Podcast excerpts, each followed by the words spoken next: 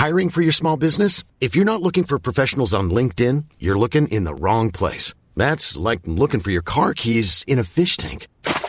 LinkedIn helps you hire professionals you can't find anywhere else, even those who aren't actively searching for a new job but might be open to the perfect role. In a given month, over 70% of LinkedIn users don't even visit other leading job sites. So start looking in the right place. With LinkedIn, you can hire professionals like a professional. Post your free job on linkedin.com slash people today. Wow. Nice. Yeah. What you're hearing are the sounds of people everywhere putting on Bombas socks, underwear, and t-shirts made from absurdly soft materials that feel like plush clouds. Yeah, that plush. And the best part? For every item you purchase, Bombas donates another to someone facing homelessness. Bombas. Big comfort for everyone. Go to bombas.com slash ACAST and use code ACAST for 20% off your first purchase. That's bombas.com slash ACAST. Code ACAST. Vi är sponsrade av Länsförsäkringar. Det är vi. Eh, jag har ju ett eh, problem i livet och det är ju att jag eh, rent ekonomiskt är något av en fuck-up. Jag både tjänar för lite pengar och jag gör av med för mycket pengar. Och det finns ingen framförhållning, det finns inget sparande till mig själv, det finns ingen pensionsgrej som har så många eh, som lyssnar skulle sätta eh, kaffet i, i vrångstrupen. Eh, när de förstår Ja, de gör det nu. Ja, när de förstår hur illa ställt det faktiskt är. Däremot så har jag lovat mig själv att jag ska inte låta den här ekonomiska fuck-uppigheten, som jag kallar den, föras över på mina barn. Eh, this ends now, har jag sagt. Och dra, dragit ett streck i eh, marken Bra. med kolkrita.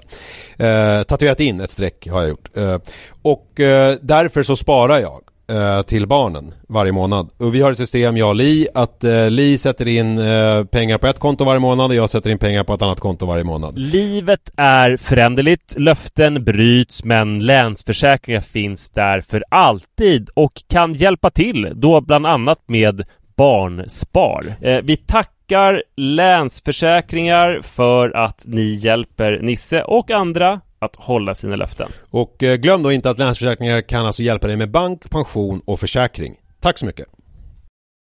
Vi är sponsrade av Joina som är ett nytt spel för dig som är över 18 år från Folkspel. Folkspel är ju föreningslivets ideella lotteribolag. Ni känner alla till Bingolotter och Sverigelotter som har tjänat ihop 17,5 miljarder till föreningslivet sedan starten 1991.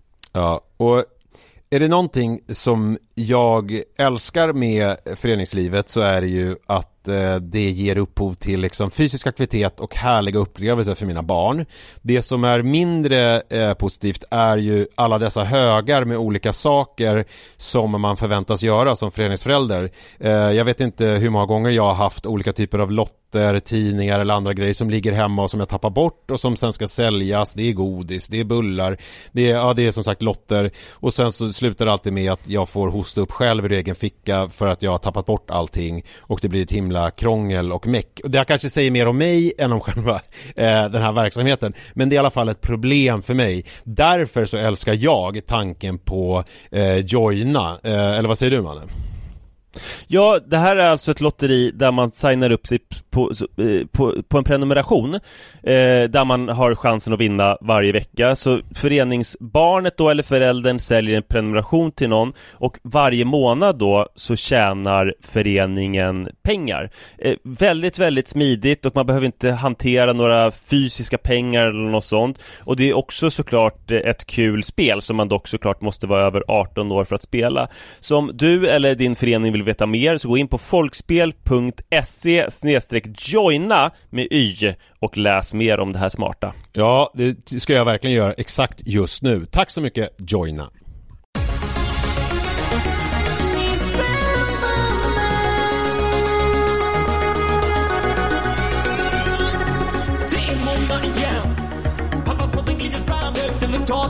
Like a raven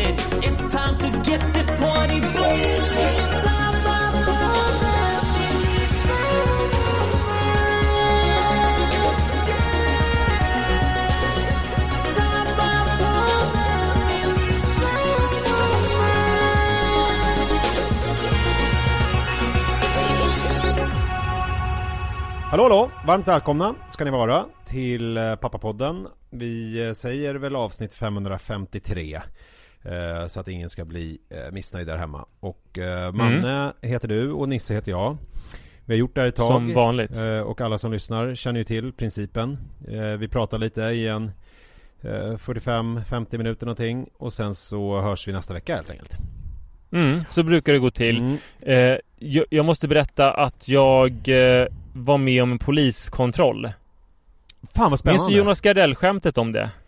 Eh, Man vet att man blir, man vet att man är gammal Ja, ja, ja, när man det. ser en poliskontroll. eh, Typ. Det var ganska svagt. Nej, alltså det, det är Eh. så här, man vet att man är gammal när man eh, eh, känner sig lugnad när man ser en polis typ. Mm. Mm. Det är inte jättekul. Nej, okej. Eh, Nej. Nej. nej, men... det- Men, ja. Ja, jag, jag kände mig, jag vet inte hur jag kände mig. Du får, säga, du får säga vad du tycker att det verkar som. Ska jag, jag var säga på hur väg du hem. kände dig? Ja, du får säga hur, hur, du, hur jag framstår i den här situationen. Otroligt Jag- jag-svag person. Ja, Ja, jag har ingen åsikt om hur jag var här. Men jag körde i Bredäng på väg hem mot mig, på Bredängsvägen heter den. Mm. Och sen så var det en konstapel som höll upp handen mot mig. Mhm. Som att han stoppade mig. Mm. Och då bromsade jag in. Mm. Och sen så vinkade han typ så här, typ kör förbi. Jaha. Eh, och då tänkte jag att jag, jag har ju så himla ståndsmässig bil nu och sådär. Jag var ganska typ välrakad. Jag tänkte så här, fan vad dåligt. Han ville bara kolla ifall jag var en invandrare. Det var din första tanke? Ja, precis. Jag blev racial profilad fast åt andra hållet liksom. Mm.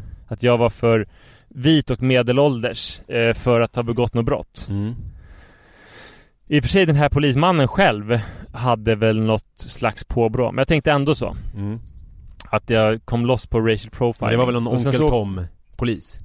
Ja, exakt. Så jag åkte många och tankar på du det. fick snabbt i huvudet. Mm. Mm. Jag är snabb. Ja. Alltså tänkte jag lite på det. Jag hade ju bara då, där, från poliskontrollen hem till mig hade jag väl 400, 350 meter kanske. Ja. Så jag tänkte på det där och sen så tittade jag i backspegeln precis när jag skulle svänga in till mitt hem. Mm. Och då såg jag att det var någon med sirener bakom mig. Mhm. Och tänkte helvete vad de håller på här nu. Mm. Och så försökte jag vika åt sidan men sen så kunde jag, för att släppa fram polisbilen. Mm. Men sen kunde jag liksom inte göra det för att jag skulle ändå göra min sista svängen in på min egen gata. Mm. Så att eh, det var den, liksom den genaste manövern jag kunde var att göra det jag ändå skulle gjort, nämligen svängen på min gata. Men då följde polisen in på, med in på min gata. Ja. Du bara, fan har det hänt någonting? Eh, vad heter din granne där som du brukar springa med? Ola. Ja, du men han bor inte på den här gatan, utan han bor på, nej. Okej. Eh, nej men så tyckte jag att, eller då tänkte jag att eh, de kanske ville mig någonting. Och så sa han när jag gick ut ur bilen Varför stannade du inte för?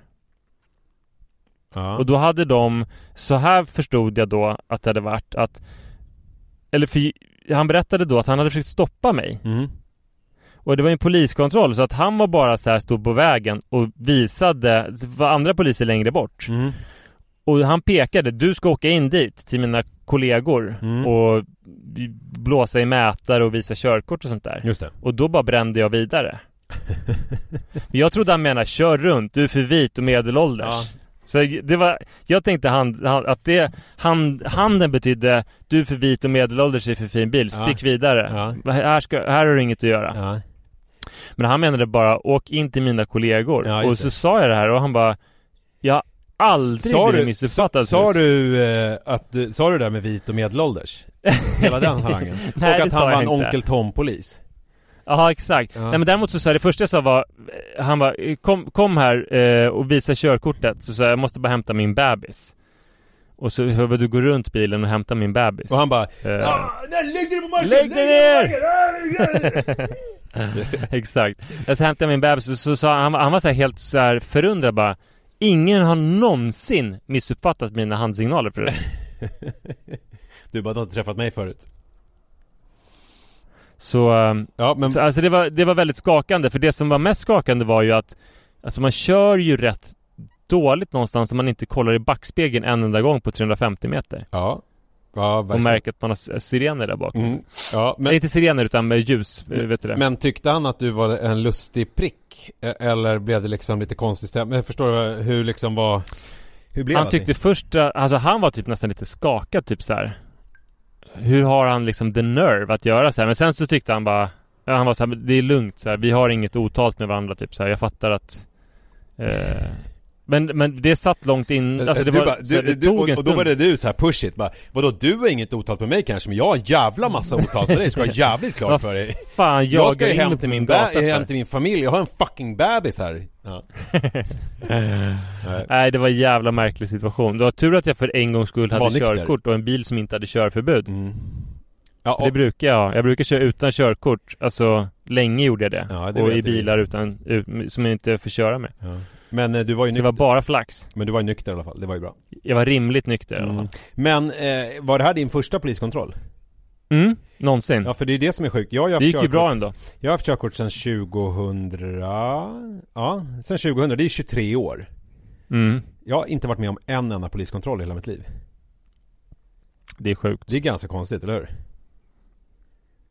Men alltså det, de vet ju när de ser det, det skulle bli jobbigt. Alltså det är så här. Nej Det men, är för stor grej. men jag har liksom aldrig ens kört förbi Det är för någon. många promille. Men jag har inte ens kört förbi någon liksom Alltså det är inte så Nej. här som att jag har kört förbi och inte blivit invinkad Utan det är bara så här, jag har aldrig varit med om en Nej, jag, jag har, det här var första gången för mig också. Men det Det, kan och väl det vara gick ju jävligt dåligt. Ja, ja, men det kan väl vara också att man kanske inte kör just de där tiderna när de brukar ha kontroller Eh, Jag Det kan kör väl ha när fan som helst. Ja fast det brukar väl vara ändå Alltså som jag har förstått det så är det väl lite så här att polisen gör ju Dels så kan de ju göra såna här eh, nykterhetskontroller i, samband med högtider typ Att de står på midsommardagen och sådär Men sen är det väl Mm. ganska mycket också att Som jag förstod det i alla fall för några år sedan var det mycket skriverier om att det var att de skulle fylla olika kvoter Så då kunde de ju liksom stå Du vet på eh, I rusningstid och stoppa bilar bara för att de skulle stoppa ett visst antal eh, Att de hade någon kvot de skulle fylla Och jag, jag kör ju Mhm. aldrig bil i rusningstid. Nu för tiden tänker man ju i och för sig när jag kör bil varje dag runt om i stan så borde man ju snart vara med om någonting. Ja.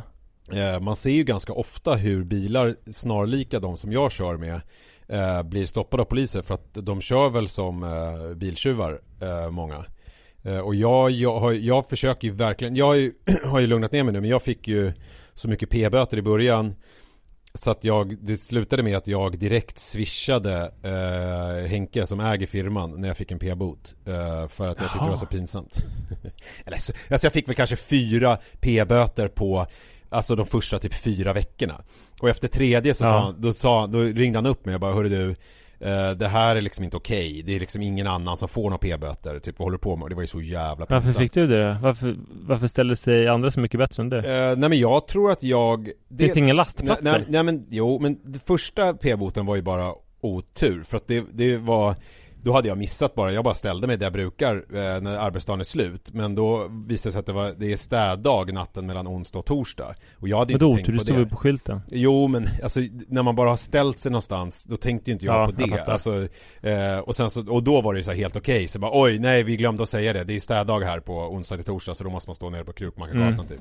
Så den var väl okej. Men sen så fick jag en några dagar senare Och det var ju Då hade jag ju Just det, det, det kan vara lite temat, jag, lite utbrott jag har fått För då fick jag ett riktigt utbrott på en p-vakt För då Mhm. stod jag på Torkel Knutssonsgatan, alltså i böjen nere vid Münchenbryggeriet när man kommer upp från Södermälla strand.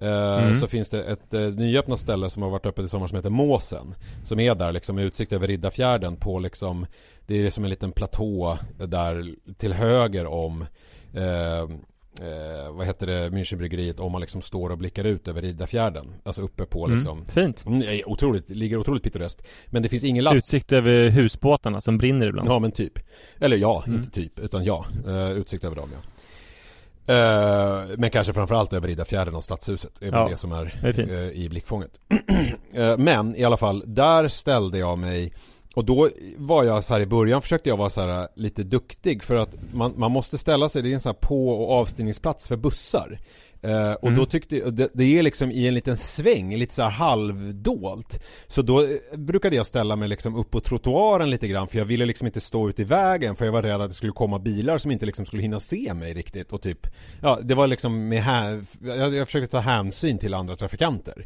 Eh, Mm. Och då var jag nere och levererade massa så här, de, måsen ska alltid ha massa grillkol, alltså tunga grejer så jag var rätt svettig och trött liksom. Eh, och och, och- fick liksom gå, då får man gå med pirran fram och tillbaka för de ska alltid ha så jävla mycket också och det finns liksom, de har aldrig några sådana här burvagnar Nu blir det lite internlingo här så att man måste liksom gå med pirran Hur som helst Jag hade gjort Den det där burvagnen känner jag till. Mm. Eh, det brukar, många ställen har ju burvagnar som man liksom Mm. kan ta till bilen och så fyller man på dem ifall det är mycket Hur som helst Så kommer jag tillbaks och då står det en p-vakt. Kan de fixa burvagnen någon jävla gång på måsen? Ja precis. Ja men ibland har de, har de det. Ibland står det burvagnar där Mhm. också Eh, Så att det är ju, ja det är ju, Man fattar ingenting. Man bara, man bara kommer dit och bara Vad fan är det här liksom? Nu burvagnar, nu är inga burvagnar. Och man bara Jag blir helt jävla galen, jag blir tokig Tänker man För sig själv. Ja men i alla fall, och då stod det en p-vakt och gav mig en liten sån här ostskiva. För att jag då stod på, Ostskiva, är det det kallas? Har du inte hört det uttrycket? Nej, aldrig. Nej men det är det det kallas i alla fall Eh, Fan vad bra. Ja, men då, och då, det var så här fredag, jag var lite trött och blev ju, kände mig liksom Lite som din kollega John Kingstedt kan göra när man känner sig att man har liksom principiellt rätt eh, Mm. Och liksom vill stå upp för sin sak Så att, Men jag fattar inte, vad, vad var det principiellt rätta du hade gjort? nej jag gjorde ju, nej jag hade gjort principiellt fel Men jag hade gjort liksom rätt ändå För jag tyckte att jag hade ställt mig mer trafiksäkert Eftersom jag stod liksom med halva bilen uppe på trottoaren Som alltså var bred Så det var inte så att jag Ja, ja. att folk inte kunde komma förbi. Eh, Alltså du stod olagligt men du hade tänkt på andra? Ja, exakt. Eh, och då sa han så här, nej men du måste stå ute i gatan, du kan inte stå så här liksom. Eh, jag bara, men vad fan, det är ju farligt för bilarna om jag står så här. Och han var helt obeveklig. Och då fick jag ett sånt här, jag bara, ja, jag vet inte vad jag skrek, men liksom invektiv, kanske något könsord och bara började skrika Oj. helvete på honom. Blev han rädd? Eh, nej men han började, han, han började fingra på en uh, mackapären och sa så här, trycker jag en gång här så kommer polisen. Larmknapp? Eh, jag bara, ja men gör det då. Eh, tryck på den här jävla knappen. Din jävla idiot. Fy fan. För fan för sådana som du. Ja, och sen så tog jag min bil och Gud, så alltså, drog jag Fan därifrån. vad hemskt Nisse. Ja, sen tog jag min bil och... Här får man höra. Mm, sen tog jag min bil och drog därifrån. Men jag kommer inte riktigt Men kunde ihåg... du typ så här, jag vet inte, ringa upp, skicka blommor eller någonting? Eller vad gör du efter? För det måste ju vara Nej, jag går hem... en del att brottas med sen. Nej, absolut ingenting. Alltså, du gjorde ingenting? Nej, Jag känner absolut ingenting efteråt. Jag, Nej, du känner ingenting? Nej, alltså jag hade ju rätt. Jag, det var skönt att få utlopp för någonting bara. Eh, Ja. men jag fick ju däremot en p-bot, det var det jag skulle komma till. Då var det min Men jag tänker bara så här, du vet, eh, tänk en ung person, eller ja, vilken ålder som helst, som bara ska jobba på sitt jobb och som har som jobb att säga till dig att du inte ska ha dina hjul på trottoaren. Ja. Okej. Säg, det gör mig, det rör mig inte i ryggen det du säger. Nej men som blir, som blir ledsen och orolig känner såhär, fan jag kan nog inte jobba kvar Ja, här. är tråkigt för honom. Bra, då kan han skaffa ett annat jobb. Du är dum i huvudet. Ja, men, Ja. men så kände jag i alla fall då. Eh, Ja. Och även nu när du pratar om det med mig ja, tre månader ja, senare. Alltså en fucking idiot. Verkligen. Rakt igenom. Eh, Men, eh, han hade också en jävligt så här eh, Jävligt eh, störig uppsyn Alltså han hade så ansikte som man ville typ lite knöggla ihop lite grann Usch Mhm. Ja, nej det var inget kul Men det var min andra p-bot då inom loppet av liksom eh, Ja, det var väl inom loppet av några veckor bara. Eh, Och det var väl så här, jaha, mhm, okej. Eh, Och sen så var det tredje p-boten. Nu ska vi se om det var eh, Det kanske bara var tre p-böter eh, Men att de kom så jävla tätt. Så var det, just det. Mm. Eh, och då hade jag gjort så här att jag hade ställt mig För vi brukar ju, återigen, så utanför kontoret så är, på Volmar Yxkullsgatan så dubbelparkerar vi. Det vill säga vi står på utsidan av de parkerade bilarna och eh, Mm. liksom lastar in våra bilar och det är inga problem för p-vakterna. Nej man får ju lasta och man får ju stå eh, i princip hur som helst men det är någon tidsbegränsning. Ja, ja, alltså det är väl lite luddigt det där med exakt dubbelparkering vad som gäller men det är liksom Nej men ja, men jag tror det finns så här att man får lasta i fem minuter eller något Mm. sånt där på typ var som helst. Ja Om man inte stör trafiken fullständigt Ja, ja. Men så att då istället för att dubbelparkera så var det en gång en liten lucka Mm. eh, men, men jag kunde liksom inte fick parkera Eh, så jag liksom, men jag ställde mig så att jag liksom stod med eh, jag stod liksom, eh, nu ska vi se, hur blir det nu? Heter det, alltså diagonalt mot eh, trottoaren.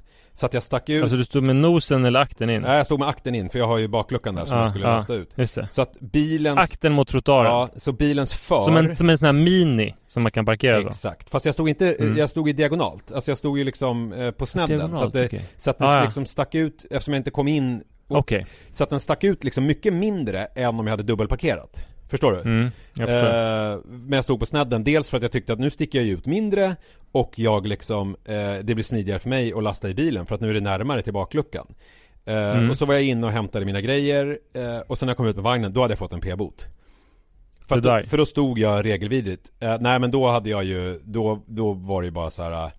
eh, då orkade jag inte längre Alltså då bara, jag bara, jag bara sa till dem så men hallå Jag sticker ut mindre nu än om jag stått dubbelparkerat Och de, det är liksom så här, nej men regler är regler och så vidare Alltså, ja, otroligt stelbent Men då, jag fick inget Ja. utbrott den gången För jag var ju också Nej. på en bättre plats Alltså, mina utbrott kommer ju oftast Liksom, jag kan ju oftast eh, eh, Skippa utbrotten Alltså, mina utbrott Mm. är ju mer som Att jag är lite illamående så spyr jag Eller så är jag inte illamående, Mm. då spyr jag inte Eh, så att då, men, men däremot så blev jag väldigt sådär eh, uppgiven så att då bara swishade jag Henrik 1300 spänn direkt. Och så skrev jag ett sms och bara, jag fick en till p-bot. Eh, sorry. Eh, ja, här har du pengar typ. Och han swishade inte tillbaka? Eh, nej det gjorde han inte. Och det är med all rätt. Nej. Jag har ju, hade gjort bort mig en gång för mycket. Eh, Three strikes and you're out. Men sen dess har jag inte fått någon p-bot för det jag lärt mig är ju att så här, att inte försöka tänka själv. Alltså ska, Ja, man ska vara en väloljad kugge i det liksom diktatoriska p-vaktsmaskineriet För Mm. jag tror att det också är lite grann sådär att det, p-vakterna är ju nu för tiden alltså privatiserade och sånt så jag tror att de eh, har väl också olika så här, kvoter de ska fylla så att de, om de ser någon som har gjort någonting regelvidrigt så eh, ger de en bot oavsett vilket även om det liksom är en liksom, inom citationstecken smartare lösning än om man skulle parkera eh, enligt lagens råmärken så att säga. Eh, så det var det om mina p-böter. Jag har ingen aning om varför jag kom in på att prata om det här. Det var någonting Jo, det vet jag. För du skulle berätta om ett utbrott som du hade fått igår. Ja, jag, vet, jag tror inte att jag har pratat om det ännu i podden. Jag tror att jag pratade om det innan här. Men det kan ju vara lite... Jo, du sa att temat var olika utbrott som du har fått. Ja, okej. Eh, ja, bra. I, I den här podden sa du det. Jag fick- Alltså som heter Pappapodden.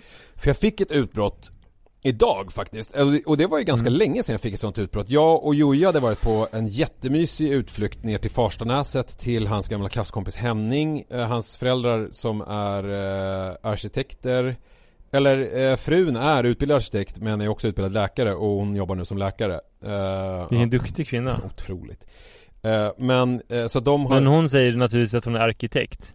Ja men det där, är- jag säger dirigent och arkitekt Alltså där är jag ju väldigt Mm. sådär Inte entrecote Alltså jag är väldigt Ja, nej. Jag är väldigt principlös när det gäller uttal Eh, Ja, men jag säger också arkitekt. Ja. Alltså jag, jag tänker det är mest eh, arkitekter som säger arkitekt. Ja, men det är väl som att säga typ psykolog eller psykiater Mm. Eller psykiatriker Alltså du vet, man bara, vad, vad, vad heter det ens? Ja, Mm, nej, eh, psykiater känns lite gammaldags att säga Det kanske jag ska börja säga Vadå, det är väl så det heter? Eller vad, vad, vad skulle det annars heta? Men heter det inte psykiatriker? Psykiater tror jag. Ja, Man kanske kan säga båda. mm, ja men jag tror psykiater är lite eh, coolare Jag tror jag ska börja säga Ja, det, det är det jag säger, så jag är lite cool. Ja, men du är ju lite cool ja. Hur som Ja. helst så cyklade vi i all sköns ro på grusvägen därifrån. Vi hade haft en jättemysig stund. Jag hade jag har haft en sån här grej på min lista. Jag har gjort en sån mannen-grej. För att jag blev av med cykelpumpen i bodelningen. Eh, Mm. Och så har jag haft liksom mina däck på cykeln har blivit eh, liksom lite så svampiga. Alltså som de blir när man inte har pumpat dem på en hel sommar. Ehm, och jag har liksom inte Det orkat. där är så sjukt, jätte, jättekort eh, eh, parentes. För min lilla syster kom hem med sin cykel till mig med sin cykel då, som hade punka på bakdäcket. Så Ja. fick jag lösa det. Det var jävligt härligt att kunna göra det för sin syster. Fixa en slang och byta och sådär, visa hur man gör. Ja, ja, ja. Men och hon, hon började cykla till jobbet för några veckor sedan, bytt jobb, cyklat till Odenplan, det är prick en mil, så det är ändå två mil per dag. ja. Och så kände jag på hennes framhjul, som inte har punka, och det var, jag kunde trycka det hela vägen ner till fälgen. Alltså det var det sjukaste jag varit med om. Och det är liksom, det är så hon tror att det är att cykla. För att hon har inte pumpat den sedan hon köpte den, vilket var liksom nu. Ja. Eh, och hon sa också att hennes son, min systerdotter, hade sagt, systerson, hade sagt så här, mamma det ser ut som du har punka på fram också typ. Ja. Eh, hon har liksom inte tänkt på att pumpa ska man göra minst en gång i veckan. Ja, förlåt, slutparentes. Jävligt sjukt. Ibland så ser jag folk när jag är ute och cyklar i stan som jag vill säga till dem så här. Du måste pumpa, det kommer bli så mycket lättare för dig. Men Sara har sagt att man vill inte ha sådana oombedda råd, så jag gör inte det. Nej, framförallt för att jag har ju liksom också Jag har ju en jävligt eh, chill approach till mitt cyklande nu För det är ju min liksom stund på morgonen när jag det är då jag dricker kaffe, tar en snus Jo men det blir inte mer chill för att det är dubbelt så tungt att trampa. Ja fast jag trampar ju så jävla Jag cyklar ju så jävla långsamt Men hur som helst, jag har ändå tänkt Ja. Mm. att jag ska pumpa Och då var vi där och han är ju arkitekt Arkitekt, vad man nu Mm. väljer att kalla det Och är ju väldigt händig och har ju hållit på och byggt massa grejer där i det där huset och sånt Så då tänkte jag, han har Byggt ju en stor jävla pump. Han har ju säkert en pump Och det hade han ju Mm. Han hade ju också cykelolja För att jag har också haft en jävligt gnisslig cykel För kedjan Mm. har jag inte heller oljat sen någon gång i eh, mars, april eh, Så Mm. jag har ju liksom cyklat runt då med eh, gnisslande Vilket uppmärksamma lyssnare kanske har hört på För jag brukar ju lägga upp så här stories när jag cyklar till jobbet Och jag tänker alltid på att det gnisslar en jävla massa från cykeln Men det är ingen som har kommenterat det Så att antingen är det Vindbruset och, och trafiken där från Nynäsvägen övertrumfar nog det tror jag. Tror det? Jag tycker att man hör Ja. gnisslet mest Ja, kanske Ja, ja. jag kommer lyssna efter det nu. Hur som helst så eh, hade jag då en nypumpad cykel och nyoljad. Han fixade också växlarna på Jojo cykel för att där hade vajen vikt sig. Så att det liksom, den behöver ju vara spänd för att växlarna ska Mm. funka. Så att han stagade upp den med liksom Det var lite som att han eh, tog sin, sin frus eh, läkarskills och eh, satte en, du vet när man spjälar ett ben när man har brutit det i typ ute, om man är en soldat så liksom eh, drar man det rakt och sen tar man typ en planka och så, eh, Mm. ja. Så gjorde han med den där äh, vajern och sen så hade han en otroligt stark byggtejp som han sa skulle citat hålla i hundra år. Och det känns ju rimligt även om Jojo behöver en ny cykel i vår. Eh, Men det är ju bra att det håller tills dess. Vi cyklade i alla fall med nyoljade, nypumpade och nyfixade växlar hem därifrån och var på gott humör. Och vi cyklade på den här grusvägen som mig vetligen inte alls är en eh, eh, liksom en enkom gångväg utan det är liksom en grusväg där folk cyklar eh, och vi kommer ju att cykla väldigt långsamt Det är jag och min liksom åttaåriga son Som är ute på liksom söndags flanerspromenad och så möter Mm. vi ett eh, par eh, Man och kvinna i 70-årsåldern eh, En liten gubbe med flint Som liksom han kan, det, Jag ser på honom, han kan inte låta bli Och så säger han så här Det är faktiskt en cykelbana här Eller nej det säger jag inte Utan det är faktiskt, det är faktiskt en gångväg det här och jag har ju aldrig sett någon skylt om att det bara är en gångväg och har ju alltid cyklat där och folk cyklar där och det är liksom en bred, Mm. det var ju liksom, vi var inte i vägen på något sätt. Det var ingen liten stig eller någonting. Eh, men då märkte jag också lite som när man märker då eh, om man är gammal när man är lugn av en polis så märker jag ju Mm. vad jag egentligen är på för humör när en sån här gubbe uppenbarar sig och säger sån här. För att jag hör mig själv skrika att han är en jävla gubbe, att han ska hålla käften och att jag pekar 'fuck you' Oj. och liksom bara Så du 'fuck you'? Ja, det Alltså inför din son? Ja, det gjorde jag också. Eh, så att det... eh, Kan du så, återskapa, kan du låta så likt som möjligt ditt utbrott? Om vi, du, Nej, jag tror, alltså, att det, jag tror att det är svårt alltså eftersom det, det kommer Ja. ju så liksom inifrån liksom, det är ju det är lite som när jag är med i direktsändning i TV att jag kan ibland, fast då blir jag mer positivt överraskad av mig själv Att jag ibland kan liksom höra mig själv säga saker och jag inte riktigt vet varifrån det kommer och bara Fan det här låter ganska smart, vilken smart kille. Eh, För att det bara kommer liksom som från Gud. Men ibland har jag Mm. uppenbarligen då djävulen i mig. Eh, Och det hade jag nu Mm. här, jag var liksom, hade en demon. Så jag skrek lite olika invektiv. Och jag pekade också 'fuck you' liksom Fast när jag cyklade förbi så jag pekade det bakåt liksom Eh, och sen så cyklade jag vidare och uh, Jojo undrade lite vad jag höll på med. Var väl lite skärrad men jag bara avfärdade det som att han var en idiot och eh, Men jag sa att det var dumt av mig att peka fuck Alltså att Joel var en idiot? Nej, att, jag, att det var dumt av mig att säga jävla gubbe och sådär. Det ska man inte göra. Eh, men sen cyklade vi vidare och sen har jag inte tänkt så mycket mer på det. Förrän du tog upp det här med eh, ja, någonting som fick mig att tänka på det. Eh, Jag kommer inte ens ihåg vad. Jo, det var ju när du berättade innan vi började spela in. Så berättade du en annan story som du skulle prata om idag. Och då kom jag att tänka på det här. Den kanske Ja, vi kan komma eh, in vi på kan- nu. Vi kan komma in på det nu. Jag tror att alla har hört talas om den här historien. Det var ju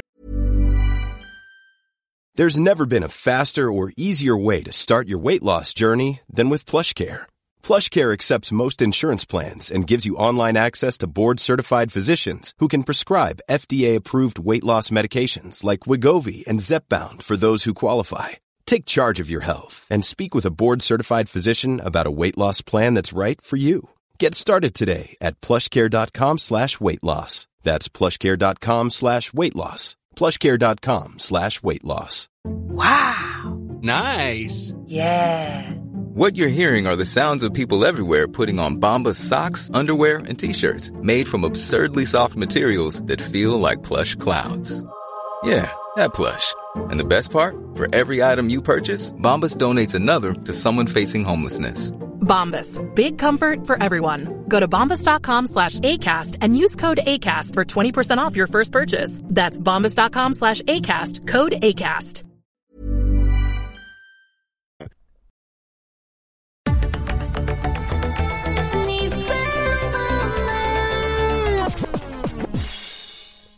Förra veckan så var det några pojkar eller liksom killar i yngre tonåren. Jag tror de var typ eh, Kanske inte ens tonåringar, jag tror inte de hade kommit till målbrottet. De var kanske i 11-12 års åldern.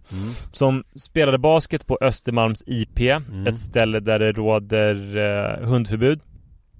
Och så var det en kvinna i 50-årsåldern som gick förbi där med sin lilla pigga ettriga hund. Ja. Och så ville hunden låna deras boll. Eh, och då sa de att eh, det fick hunden inte göra. Nej. Och då tog hon bollen och började skrika på dem att Ni är så jävla snåla och äckliga! Du är så jävla ful! Jag ser framför mig hur fucking fula ni kommer bli! Ni kommer vara så äckliga, fula när ni är vuxna! Ni är så vidriga! Fruktansvärt äckliga! Åh vad ni är hemska! Ni är så vidriga! Eh, hon fick totalt... Eh, Ja, hon, hon, undrar om hon också då märkte vilket humör hon var på den dagen? När hon fick jag tror att hon märkte det. Ja. ja. Att hon gick runt där och bara, "Oj, trodde att hon vänta. var på gott humör Jag är på som sånt här hunden." humör. Ja. Exakt. Och när hon filmas då, då, då, man får ju inte se från början så att man vet ju inte vad som hänt innan men, men då är väl killarna lite desperata för hon har då tagit bollen. Alltså samtidigt som hon säger hur fula de är Ja. och snåla och vidriga så Hur har hon tagit deras boll. 11-12 skulle jag tro. Oj. Alltså de har inte kommit till målbrottet tror jag. Nej. Så unga killar. Ja. Eh, alltså verkligen barn. Alltså inte sådär att, de, att man kan förledas att tro att de är unga män eller sådär. Nej, nej, för att de, de är prepubertala. De får inga dickpics Eh, hon- på TikTok. Om de hade varit kvinnor, tjejer. Nej, och om de hade skickat dickpics så hade det varit eh, barnporr. Oönskad barnporr hade det varit då. Kan man åka Så att, dit eh, för det? Alltså om en, om en, om en Ja, ja. pojke skickar en dickpic till mig på Instagram, Ja. kan jag åka dit för barnporr då? Nej, jag tror det är lugnt. Ja, fast jag vågar fan Jag tror inte utmana ödet. Nej, det ska man inte göra. Men så hon hade då tagit bollen och var så här galen på pojkarna. Och de var desperata så de sa men okej, okej, hunden kan få leka med bollen men snälla kan vi få tillbaka den sen? Mhm. Och hon bara skrek om hur fula och äckliga och snåla de var med deras boll i handen. Och sen det här har blivit väldigt omtalat för att den här kvinnan, eh, alltså någon pappa la ut den här på Facebook. Ja. Expressen plockade upp det. Och det är väl mycket det diskussionen handlat om efteråt att på ett sätt så var det jävligt hemskt för henne för att där hamnade det på Flashback Mm. och eh, eh, hon kommer ju i princip ha behöva skyddad identitet. Jag har själv kollat upp vem hon är och hon hade tydligen jobbat för regeringskansliet vilket gör att både Expressen och på Flashback skriver man liksom att hon har haft en viktig position eh, så här statsbärande typ fast egentligen har hon ju bara varit grafisk formgivare Jaha. på regeringskansliet typ. Ehm, så, att- så att hon har fått massa problem och diskussioner har handlat om det men det jag skulle vilja prata om som jag tycker att nästan ingen har pratat om är att jag tycker det är så jävla hårt klimat för unga killar. Jaha. och inte på det sättet som man brukar tänka sig. Unga killar, de förväntas ha våldskapital och machoroller och sånt där. Utan hård miljö så tillvida att det finns så många som inte tycker om att de finns och som inte vill att de ska drälla omkring. Okej. Och det som är så jobbigt är om jag tittar så här, det här blir ju väldigt ovetenskapligt då, men eh, ofta killarna i min närhet, om jag jämför dem med tjejerna i min närhet, alltså pojkar och flickor nu, så är ofta killar lite mer, om jag tittar på mig själv också, lite mer ängsliga eh, än de tjejer jag känner som har varit lite mer det. Men killar behandlas så här mycket skarpare och hårdare Mm. än vad flickor behandlas generellt. Mm. Ha, är, är det här Eh, nu att- för att du är en ehm, pappa... Pojkpappa. Pappa-chauvinist? Alltså man kan ju bli pappa-feminist, men du har blivit en pappa-chauvinist. ja, När du har fått en precis. son. Fan vad bra, exakt. Ja. Förut så var jag pappa feminist ja, men nu är ja exakt, Ja. fan vad bra. Mm. Eh, typ så. Nej men, eh, och jag märkte så många, alltså jag minns det så väl när man själv var pojke liksom att, eh, alltså oftast pojke tillsammans med andra pojkar. Man vet ju det så att alla hatar ju män i grupp. Mm. Och det är väl rimligt någonstans kanske. Men Om man inte folk är hatar en ju... tjej som har som sexuell läggning att ligga med många killar samtidigt. Ja, kanske då att det är ett undantag. Ja. Men det finns ju inga regler utan undantag. När det inte handlar om var man ska parkera. Märk Kommer du ihåg det? det? Det var ju någon slags lågvattenmärke när vad hette hon? Anna heter hon Nachemsson. Jag minns inte vad hon hette förut. Hon är ju tillsammans med Rabin, eller gift med Rabin. Förut så var hon bara en ganska provokativ krönikör. Det var några hockeykillar i elitserien som dömdes för, eller som anklagades för någon gruppvåldtäkt. Och Mm. då skrev hon en debattartikel på sida 4. Tack killar för att ni gav mig en härlig sexfantasi. eh, det känns sådär va? Eh, ja, ja, ja. Men jag måste gå vidare för det var över 15 år sedan. ja. Ehm, nej men jag, jag minns det, alltså hur, från min egen barndom, hur illa folk tyckte om pojkar i grupp. Alltså så här, om jag var ensam, då kunde folk tycka att så här, lyssna på mig och ty- tycka att jag hade ett existensberättigande. Mm. Men så fort man var i grupp så ville folk att man skulle försvinna. Just det. Eh, jag minns ju, alltså ett exempel på så här killar i grupp. Eh, det, kommer du ihåg, kan du återge en annan så här utbrott som du fick när vi sprang en gång i Farsta? Mm, nej det har jag glömt. Ja, att eh, det var några killar på löparbanan när du kom springande och du bara Stick härifrån era jävla skitungar! Alltså direkt. Sånt där Gjorde jag det? risk... Ja, eh, det gjorde du verkligen. Ja. Eh, och sånt där kändes det som man riskerade hela tiden som ung pojke. Så därför tycker jag, ja men tjejer går ju Typ inte och här- dräller på eh, banan på samma sätt. nej kanske är så. Ja. Men, så därför så tycker jag det är så jävla bra att det nu finns modern teknik så att pojkar kan filma sådana här Karen-förövare så att de får upprättelse liksom. Ja. Ja, eh, alltså eh, nu som, som eh, nybliven pappa-chauvinist Så tycker du Ja. att det är skönt för Adrian att han ska slippa utstå det där. Och om han utstår det Så ska han i alla fall kunna filma skiten. Och så blir det en grej i Expressen. Ja, exakt. Ja, för, för, ty, typiska pojken som jag, om jag tittar på mig själv eller om jag tittar på mina sysk, sy, systersöner. Ja, Så är det någon som är så här eh, Väldigt trygghetssökande Lite osäker, tycker det är läskigt att åka nyckelpigan på Gröna Lund ja. Och sen klipp till att man har blivit något år äldre, känner samma känslor inombords och typ längtar hem till mamma. ja. Men bara man finns på stan eller i någon miljö så är det plötsligt någon som skriker på en att här får man inte vara. Lite grann som du, kanske är därför du reagerar så starkt på den här gubben. För att du är trött på att du inte får vara ja jag, någonstans. jag är ju pappa Som ung man. Jag har ju varit pappa-chauvinist i, i snart 14 år Ja, Men eh, jag kan ju bli jävligt eh, liksom också, jag känner igen det här med att folk blir så himla förbannade på såna här män i grupp som liksom sätter på sig masker och typ stormar fotbollsplaner och såna Att folk liksom bara blir så jävla irriterade på män i grupp som kanske typ går av en tunnelbanevagn Skriker Och och, brölar och i grupp eh, Kissar överallt. Och kissar bara, tar fram sina snoppar och Mm. bara kissar. Ja, liksom, att, så här, att folk blir så irriterade på det, jag tycker det är så jävla tråkigt. Eller på män som sitter på tunnelbanan och typ tar upp två säten för att de är så, har, har så brett mellan benen liksom. Alltså Mm. det är ju, fy fan och som säger till någon främmande tjej så här, Du är jävligt sexig alltså. Och så säger tjejen, eh, ursäkta jag vill inte prata med dig. Och bara, jävla hora! Ja. Jag som att jag skulle vilja ha dig! Ja. Vad fan tror du? Ja. Ja, ja precis. Och så, blir, och så blir den där tjejen skitirriterad och så blir det liksom Mm. typ som en stor grej. Jag blir så jävla trött på det där. Jävla som, Karen alltså. som pappachauvinist så tycker jag att sånt där är liksom förkastligt beteende. Eh, eller Ja, eller det finns du- ju andra, alltså män som eh, har dålig kontakt med sina känslor. Det är väldigt synd om dem. Och sen så gör de då, eh, alltså så får de utlopp för alla sina liksom inre demoner genom att typ slå sönder sin flickvän eller någonting. Genom att Ja. skrika på stackars oskyldiga parkeringsvakter. Ja, ja verkligen. att tänka verkligen. Och så ska det bli någon jävla grej. Alltså det Mm. känner, då känner man ju så här, vad fan är frågan om? Alltså, vad, vad, vad fan är samhället på väg?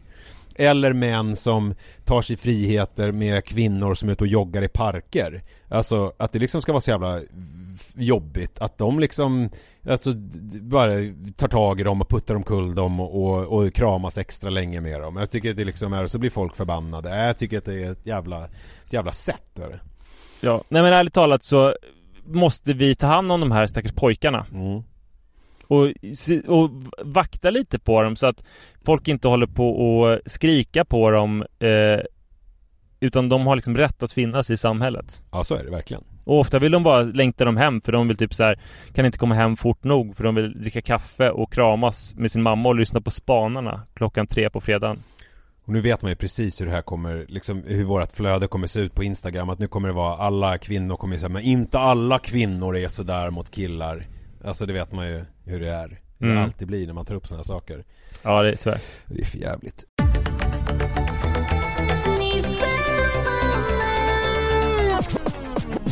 Hör du, jag läste en intervju Ja. med eh, Marie-Louise Ekman i DN idag faktiskt. Eh, och det blir ju då, om ni lyssnar imorgon, som var det igår. Vi spelar in på söndagskvällen här nu. Smart. Eh, det var en söndagsintervju. Jag tyckte det var en jävligt bra intervju. Jag gillar Marie-Louise Ekman. Eh, och, Mm. och hon... Eh, Du vet att mina gamla kompisar eh, Dag och Saman har börjat hänga med henne va? ja, Alltså de har blivit jättetajta. Undrar om det är för att hon pratar lite om att hon har en ny musa. För Gösta Ekman gick ju bort Mm. för sex år sedan. Och så sa hon så här, Det kan vara Dag då. jag, jag har en ny musa, men det var väldigt hemligt vem det var. Musor ska Ja. vara hemliga, annars inga musor längre. Tänk om det är Dag? Det kan det verkligen vara. Han är hos henne hela tiden. Otroligt, det är nog det. Mm. Fan vad, ja, nu vet vi ju inte det här så att det här är liksom, det här är ju ingenting som pappapodden står bakom liksom. Eh, Och det är ingenting som vi har eh, eh, Som vi säger med liksom eh, säkerhet och det finns liksom ingen Ja, Men jag kan ju säga det till Marie-Louise, äh, Marie-Louise att jag hade ju Dag som musa för tio år sedan så hon är ändå lite sent på bollen. Ja. Men hon, hon, hon beskrev, hon sa tre bra grejer tycker jag. Eh, För att när Gösta Ekman då dog han fick ju liksom återfall i sin cancer och gick ju bort då 2017 Då skrev hon, då, då sa hon så här, jag trodde, då sa hon i intervjun Jag trodde inte jag skulle kunna jobba någonsin mer. Jag trodde kanske inte jag skulle kunna fortsätta överhuvudtaget. Och jag hade en massa sömntabletter och så minns jag att jag nämnde det här för en väninna Att jag inte tyckte att det fanns något att stanna kvar för. Eh, Och då sa min väninna, eh, hon beskrev för mig hur en människa som tagit livet av sig genom att svälja för många tabletter ser ut. Hon sa att jag inte fick under några som helst omständigheter utsätta mina barn eh, och barnbarn för det och att jag måste hålla ut. Hon var väldigt krass och det var bra. Det där tycker jag var ett ganska bra Nu vet man inte om någon är så liksom deprimerad och förtvivlad så till den milda grad att det liksom inte finns någon annan utväg än att ta livet av sig. Eh, Att man avhålls av att man skulle bli ett fult lik. Ja. Nej. det tror jag inte, men däremot så var väl det någonting som hon kanske behövde höra i den stunden när hon mest kände sig lite eh, vad ska man säga, lite allmänt förtvivlad på grund av att hennes älskade make hade gått bort. Eh, hade, Mm. hade hon haft liksom någon mer eh, klinisk depression som gjorde att hon erkände att det inte fanns någon, någonting att leva för, då kanske inte hade det varit ett bra råd. Men jag, jag gillade liksom det, jag gillade det logiska och det liksom, ja, men det krassa i det hela, att man liksom eh, lägger upp det på det sättet. Alltså lite, det är ju lite i linje med när jag mådde dåligt för en 6-7 år sedan eller vad fan det var när du sa till mig liksom Vad fan du vet att du inte behöver må dåligt Det är ju bara att käka tabletter och gå i terapi Vad fan håller du på med jävla tönt? Alltså det är lite i linje med det eh, Och det, ja. Och jag är, är ju lite för den typen av råd nu för tiden Enligt min princip att ha principer som jag ändrar i tid och otid Ja, det är Hon- bra. Hon eh, eh gav också exempel på, som jag tyckte var eh, eh, bra exempel på att hon inte kanske hade liksom en uppväxt som alla andra har haft. Eh, för hon skrev, hon säger det att jag var ett rötägg som barn. Lärarna tyckte inte om mig. Ja, och jag tyckte inte om dem heller för den delen. När jag var 17 år så fick jag inte gå om fler årskurs, årskurser och då blev jag relegerad. Eh, och då anmälde min pappa mig till Pernbys målarskola. Men jag målade uselt och jag tyckte att jag var alldeles genomskinlig för lärarna. Eh, det funkade inte, så till slut frågade pappa mig Men vad vill du göra då? Och då minns jag att jag svarade Nej men jag vill ingenting. Jag vill bara jobba på kontor, tjäna pengar och köpa smink och kläder. Då höll han på att dö. Det var det värsta han hade hört. Jag tycker det är väldigt roligt då om man tänker sig eh, hur de flesta eh, föräldrar tänker att det är så här att om mitt barn blir helt och rent och typ så här klarar sig i livet och är någorlunda lycklig så blir man nöjd. Men det är en viss typ av uppväxt när det värsta man kan göra mot sin förälder är att bara, nej men jag vill bara jobba på kontor och vara lite vanlig liksom. Gå och handla lite kläder och köpa lite smink och sådär. Eh, det tyckte jag var kul. Men sen gav hon också tre råd eh, till en ung konststudent. Eh, och då tänkte jag att vi skulle ge tre råd till en ung eh, pappapoddare. Eller en poddare Mm, kanske. alltså en slutändan. pappaslyssnare? Ja, Eller vadå, någon som ska göra en pappapodd? någon som ska göra en pappapodd ja. Eller en podd kanske. Eh, Emanuel Karlsten Eh, Jag tror han behöver råd. Det känns som att han i teorin vet precis exakt hur man ska göra för att eh, göra en eh, podd som slår lyssnarrekord. Ja men han har ju lagt ner det i och för sig Ja, det har han ju gjort. Men det känns ändå som att han i teorin redan vet allting. Jo, så är det Jag tror att det är lite som, att ge honom ett råd om hur man ska göra en podcast är lite som om du skulle ge ett råd till någon som har eh, opumpade däck på Sveavägen. Eh, oombett. Mm. Men hennes råd i alla fall till en ung konststudent var som följer. 1. Härma den du tycker om. Du kommer att synas i detta, i alla fall. Alltså du, du kommer att synas i detta, i alla fall så småningom. Eh, Mm. Två, det här är intressant att hennes andra råd är att man ska akta sig för goda råd. För att man är inte en i mängden i just det här avseendet. Eh, alltså, jag tolkar det som att att ett, ett gott råd kan man inte ge generellt utan det måste ge, ges på individnivå. Förstår du vad jag menar? För hon säger så här, akta dig för goda råd. Du är inte en i mängden i just detta avseende. Hur tolkar du den, det rådet? Nej, Jag fattar inte vad hon menar riktigt Nej men jag tolkar, alltså är jag helt fel ute om jag tolkar det som att eh, att man inte kan få generella råd? Utan det är liksom Ja, så kan det vara Ja. Tre. Tro inte att pengar är en drivkraft. Pengar har inte större värde än du. Och då får ju du nu Jag tycker att två av de här råden går exakt att applicera på någon som vill starta en podd. Ett, härma den du tycker om. Du kommer att synas i detta i alla fall så småningom. Det tycker jag är, det, det går väl att göra rakt av, även på, i poddvärlden. Men Jag tror man skulle kunna härma han eh, Krull Bobo Krull Ja Och vad ändå ja, men vad fan. själv fram. Ja men det kan man väl vad fan. Ja men det var vad fan. Ja, ja, ja, nej vad fan. Ställa liksom hår, Mm. va, vara, vara snäll men ha ett hårt yttre. Hur fan menar du då? Ja. ja vad fan menar du med det? Hör du? Hör du? Vad fan? ja, ja. Eh, och sen så då, eh, råd nummer tre. Det gäller ju verkligen dig och mig, i alla fall i det här sammanhanget. Tro inte att pengar är en drivkraft, pengar har inte ett större värde än du. Eh, jag tror att om man ska starta en podd så ska man eh, inte tänka Jag tror att man går, gör fel om man inte är typ eh, Nu ska vi se, typ någon eh, megakänd person Jag kan inte komma på någon just nu Alltså någon som är liksom Pernilla Wahlgren. Ja men om man inte är Pernilla Wahlgren då, då kan man nog inte bara starta en podd och tänka att man ska tjäna pengar. Om man är en, liksom en vanlig random person som startar en podd då, då måste man nog tänka att det ska vara jävligt roligt själv.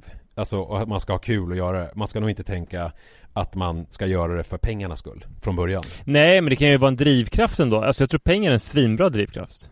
Jag hörde någon så, ibland så klipps det ut, jag vet inte ens vem det var. Det var någon entreprenör i, i någon, som hade klippts ut från någon podcast i någon reel Och han sa, det här låter ju väldigt självklart det han sa Men, och han påtalade det själv att det här låter väldigt självklart Men han var god för, jag tror han sa tre, tre och en halv miljard mm. Och han sa att Fattar hur många pengar gör det är Ja, otroligt många.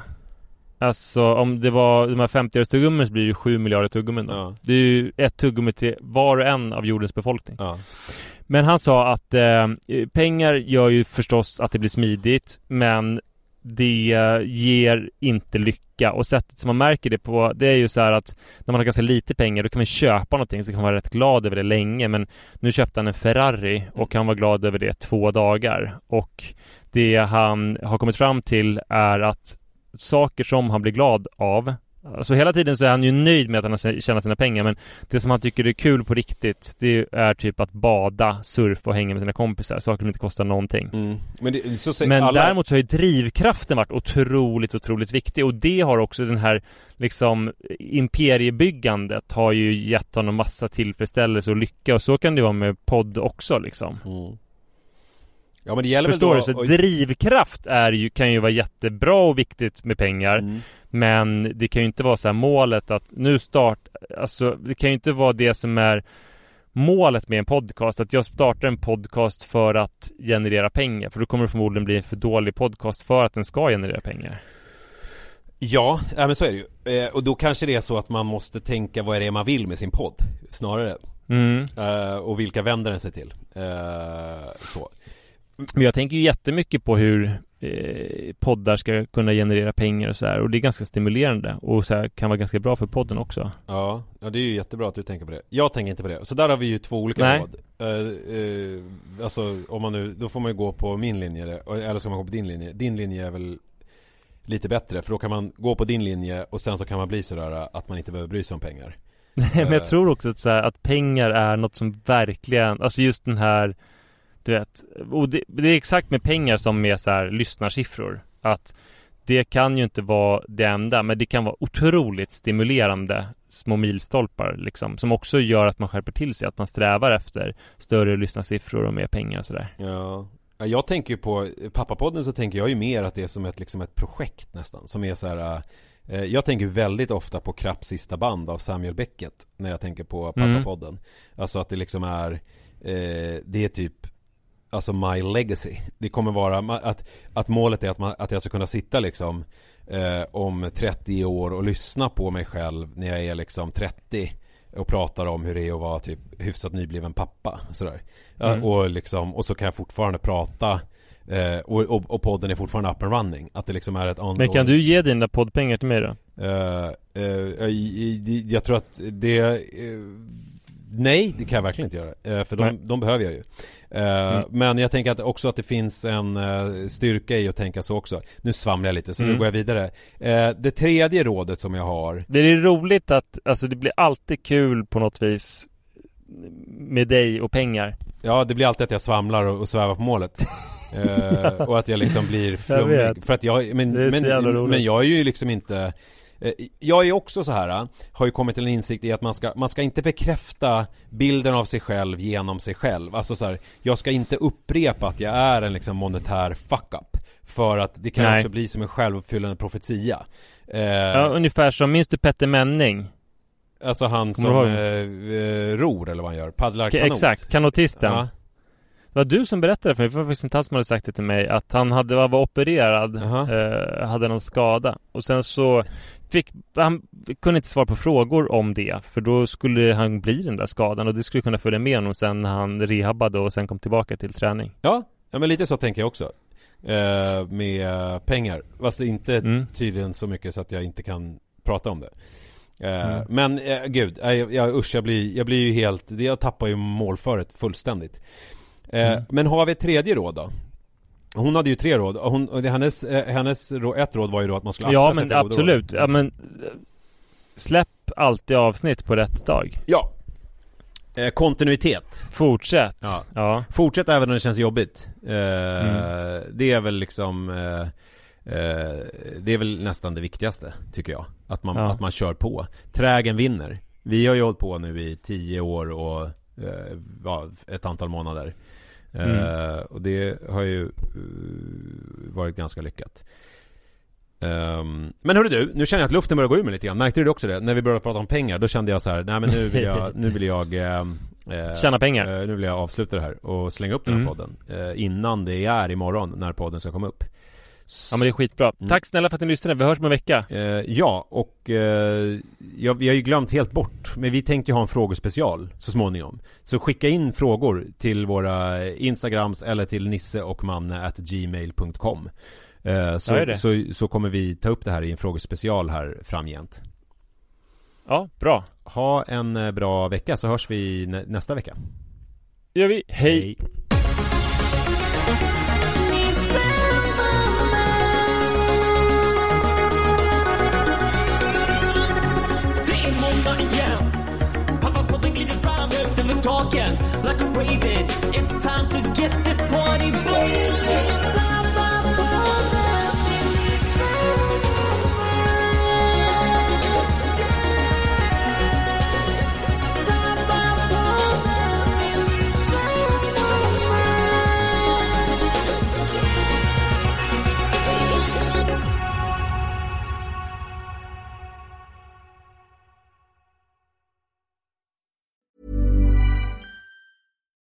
Hi, I'm Daniel, founder of Pretty Litter. Cats and cat owners deserve better than any old fashioned litter. That's why I teamed up with scientists and veterinarians to create Pretty Litter. Its innovative crystal formula has superior odor control and weighs up to 80% less than clay litter. Pretty Litter even monitors health by changing colors to help detect early signs of potential illness. It's the world's smartest kitty litter. Go to prettylitter.com and use code ACAST for 20% off your first order and a free cat toy. Terms and conditions apply. See site for details. Even when we're on a budget, we still deserve nice things. Quince is a place to scoop up stunning high-end goods for 50 to 80% less than similar brands. They have buttery soft cashmere sweaters starting at $50, luxurious Italian leather bags, and so much more. Plus, Quince only works with factories that use safe, ethical, and responsible manufacturing. Get the high-end goods you'll love without the high price tag with Quince. Go to quince.com slash style for free shipping and 365-day returns.